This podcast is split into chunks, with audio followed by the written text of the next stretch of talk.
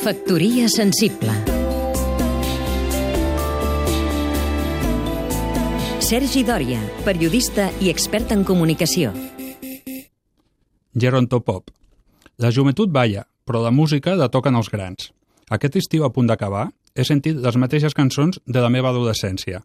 Si feu una repassada de les actuacions, us trobareu a Polanca, Tom Jones, Blondie, George Benson, Chic, Chicago, Jimmy Cliff... Els Rolling Stones seguiran la seva gira aquesta tardor per Austràlia i Nova Zelanda després de que 800.000 persones els hagin aclamat a Europa. Cap novetat. El 1972 jo tenia 12 anys i terrorejava Satisfaction. A hores d'ara, les noves generacions fan el mateix. Elton John, 67 anys, toca el piano Rocketman, a Cap Roig, amb la mateixa càrrega emocional de 40 anys abans. Brian Ferry demostra que la seva cançó Remake Remodel del 73 s'ha fet realitat mentre sent com el públic del segle XX coreja Avalon.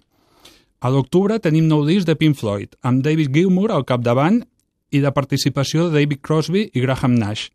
I també actuen John Mayall i Marianne Faithfull. A una mitjana de 70 anys per cap, aquesta penya superaria els 5 segles. Un cop feta la prova empírica, deduïm que en pop-rock qualsevol passat fou millor, o potser que els anys 60 i 70 donaren collites excepcionals. Em direu que ara també tenim ídols de masses, segur, però trobeu exemples actuals de la categoria del Rolling o Dylan?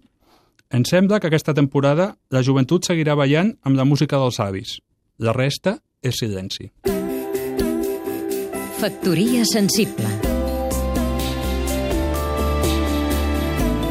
Seguim-nos també a catradio.cat